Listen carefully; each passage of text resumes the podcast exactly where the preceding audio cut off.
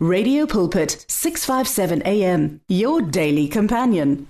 Lochani balalele emakhaya ni lochiswa ngumfundisi uMahlangu eh nginilochisa bazalwane ngisuke emhathweni omkhulu iRadio Pulpit umnganeni wamalanga wonke mfundisi uMahlangu lapha kwamhlanga ebandleni leFair Heavens Revival Church manje ke bazalwane sisehlelweni ikonzo ngibawa ke sithathe lesisikhathi balaleli nabazalwane emakhaya sihlephule izwi lenkosi. Ngikhuluma ngesihloko esithi destroying the forces of the enemy. Ukuphula nokugiriza ipi yesitha. Destroying the enemy's forces. Ukuphula nokugiriza ipi yesitha. Thina bazalwane esikholwako njengenkosi ethu uJesu Kristu yaza ephasini ukuzophula igirize imisebenzi yesitha nemisebenzi emimbi kaSathane. Imisebenzi kaSathane yenziwa babantu bakhe uSathane amadimoni wakhe yenziwa izisebenzi zakhe zombuso wobumnyama. Ipi kaSathane bazalwane inababusi inemphathimandla inemibuso yephasi elisemnyameni eli imibuso kaSathane inemibutho yemimoya emimbi esemkayini ngiyo leyo mimoya bazalwane silwa nayo ngiwo lawo masotsha. Ingakho ngithi isihloko sethu si destroying the enemy's forces.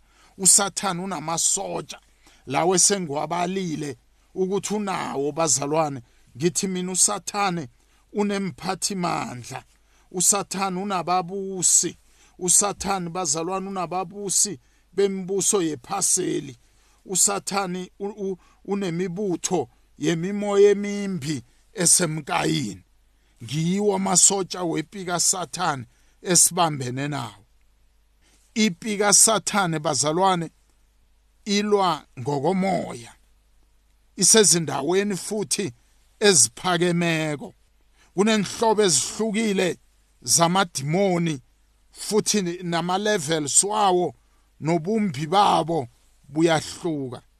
Thina bazalwane esikholwako uma sine sinemoya sinamehlo kamoya siyakhona ukuyiphula imimoya kaSathani isathoma noma isamanifesta empilweni zethu nalabo esichidelene nabo nemabandleni wethu.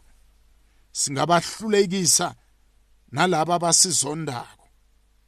Nje kuphela uma siyokhona ukujamelana nemimoya nababusi nemibuso yephaseli ekhona nemimoya emimbi esemkayini. Satan bazalwane wahluleka yena namasotsha wakhe waqoshwa ezulwini.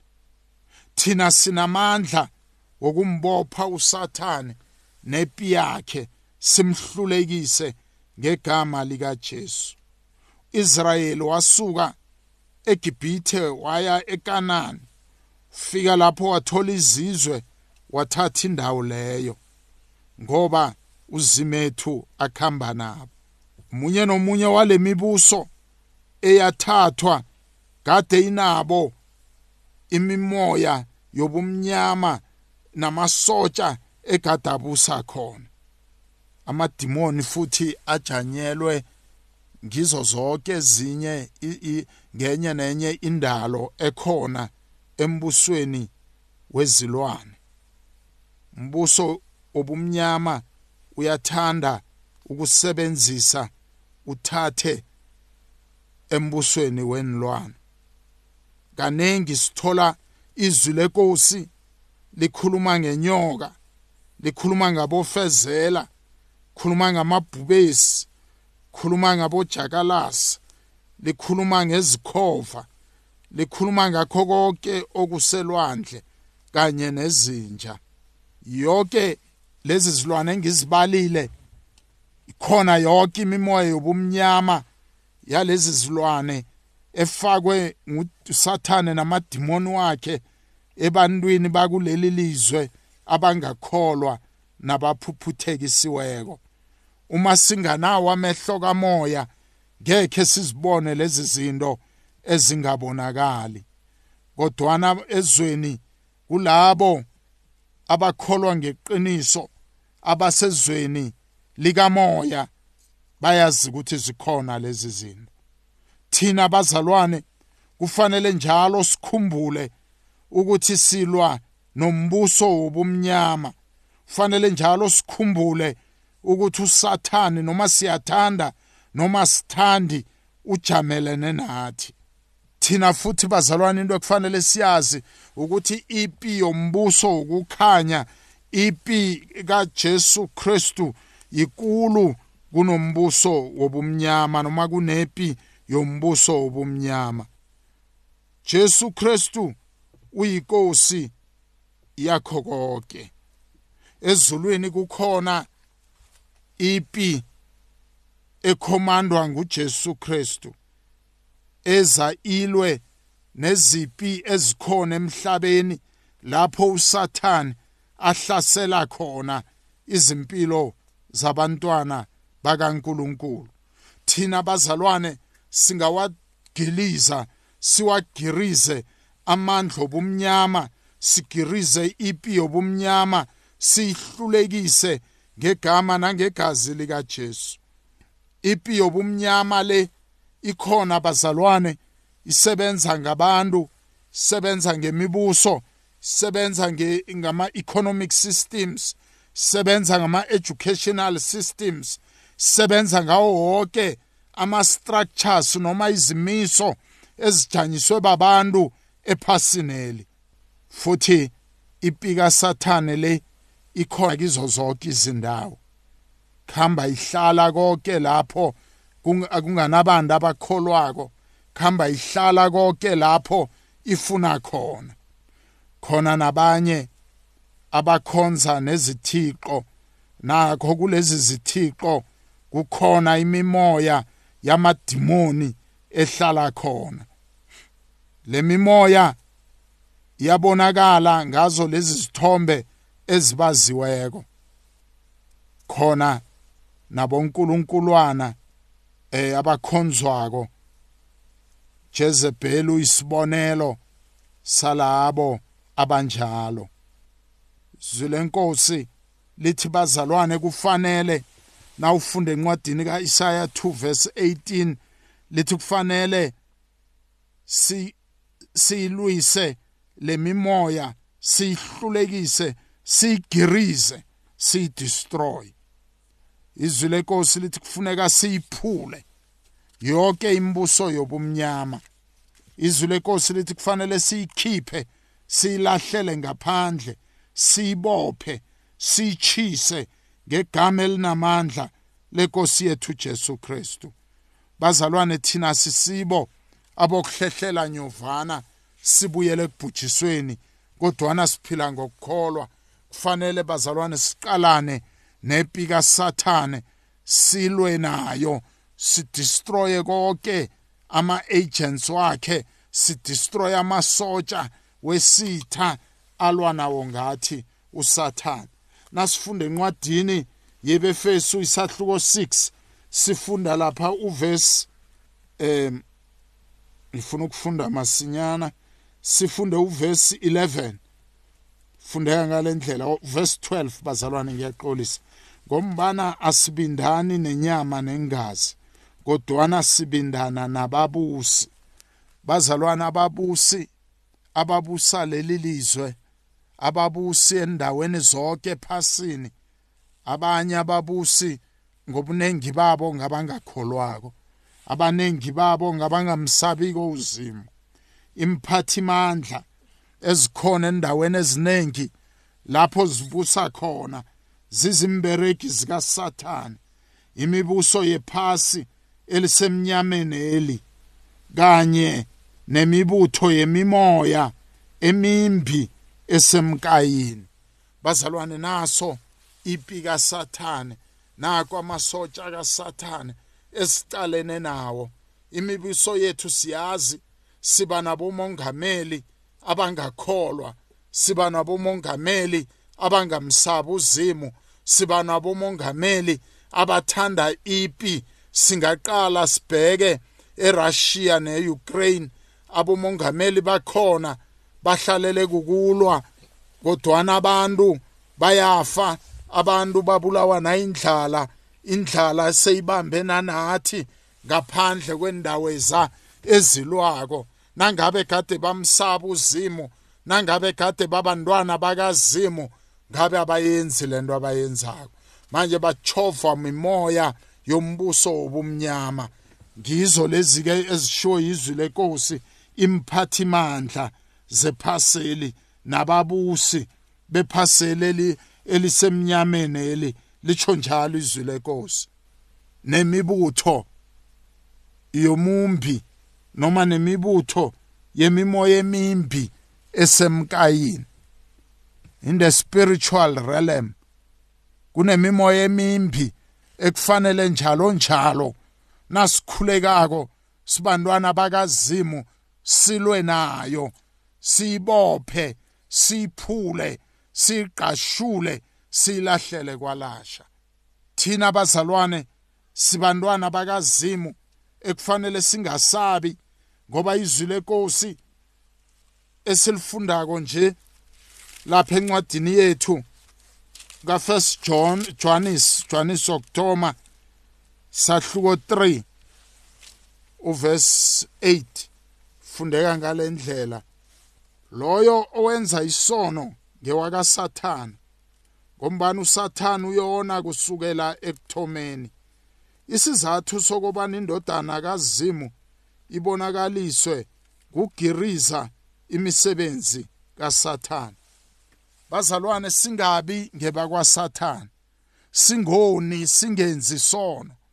Ngoba izwi lenkosi lithi nawona unawenza isono ungwakaSathan akunandaba ukuthi usindiswe iminyaka emingaki akunandaba ukuthi uzibiza ngodala boy kodwana abazalwane na ungaphili kuhle awusiye okaKristu Jesu.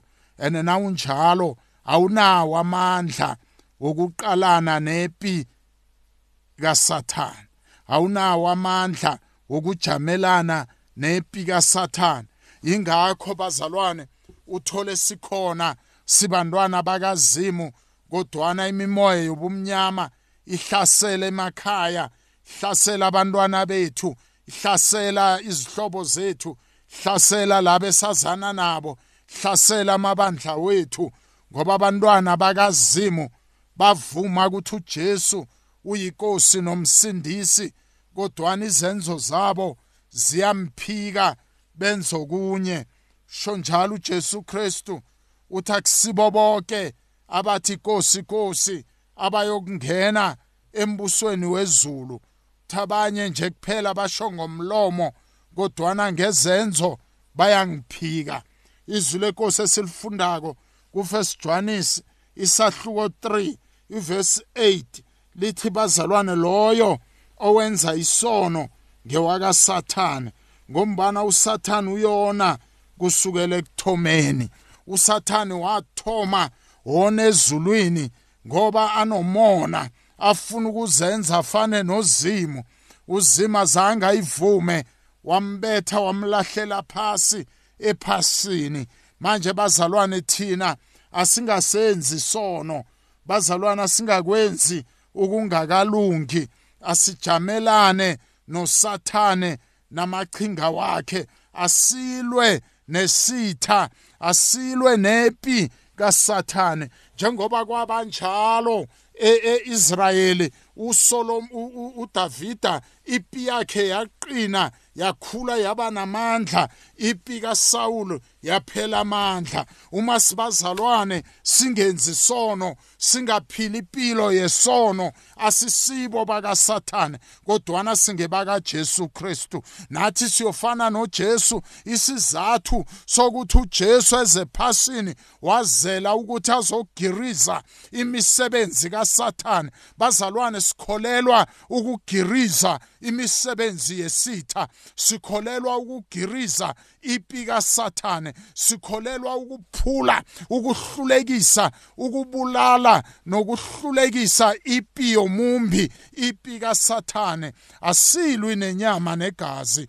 Kodwana sibindana nemimoya emimbi ekhona emkhathini. Sibindana nababusi bephasele limbi elisebumnyameni sibindana nemibutho yephaseli. Sibindana nababusi bephaseli.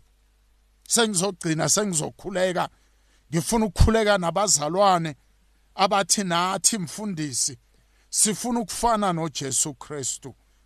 Jesu uzele ukuzophula agirize imisebenzi kaSathane. Asisafuna ukwenza isono sibizwe ngokuthi singeba kaSathane. Ngoba uSathane wona kusukela ekuthomeni. Sifuna abazalwane namhlanje sibizwe ukuthi sibantwana bakazimu sibantwana bakasokulunga. Simamukele uzimu njengenkosi nomsindisi wempilo yethu sinamandla wokujamelana nesitha sinamandla wokugiriza umbuso kaSathane.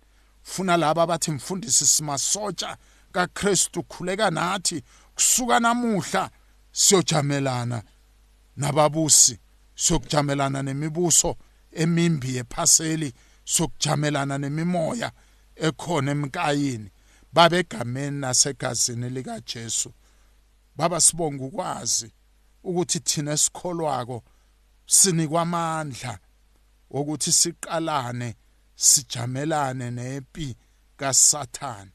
Asinako ukusaba ngoba siyazi ukuthi baba size siwe ngomoya oqwengileko siphiwe namandla ukuthi baba sigadange inyoka nabofezela ukuthi baba sihlule isitha ukuthi konke kwesitha ngeke kusilimaze. Siyalwa baba nosathane siyalwa namadimoni wakhe. Ngegama nangegazi lenkosi yethu Jesu. Gazi lika Jesu linamandla elithizwi lenkosi. Bamnqoba usathane ngezwi lofakazi nangegazi lewundlu. Siyomnqoba usathane ngezwi lofakazi nangegazi lewundlu. Akanamandla phezukwethu yena nepi yakhe bahlulekisiwe njengoba yahlulekiswa ipi kaSawulo ihlulwa ipi kaDavida yakhula ipi yabakholwako iba namandla njalo phezukwepi yombuso wobumnyama. Gamene linamandla lenkosi yethu Jesu. Amen and amen. Hallelujah. The words of the Lord are words of life. Your heart is on 657 AM 657 AM radio for believers in action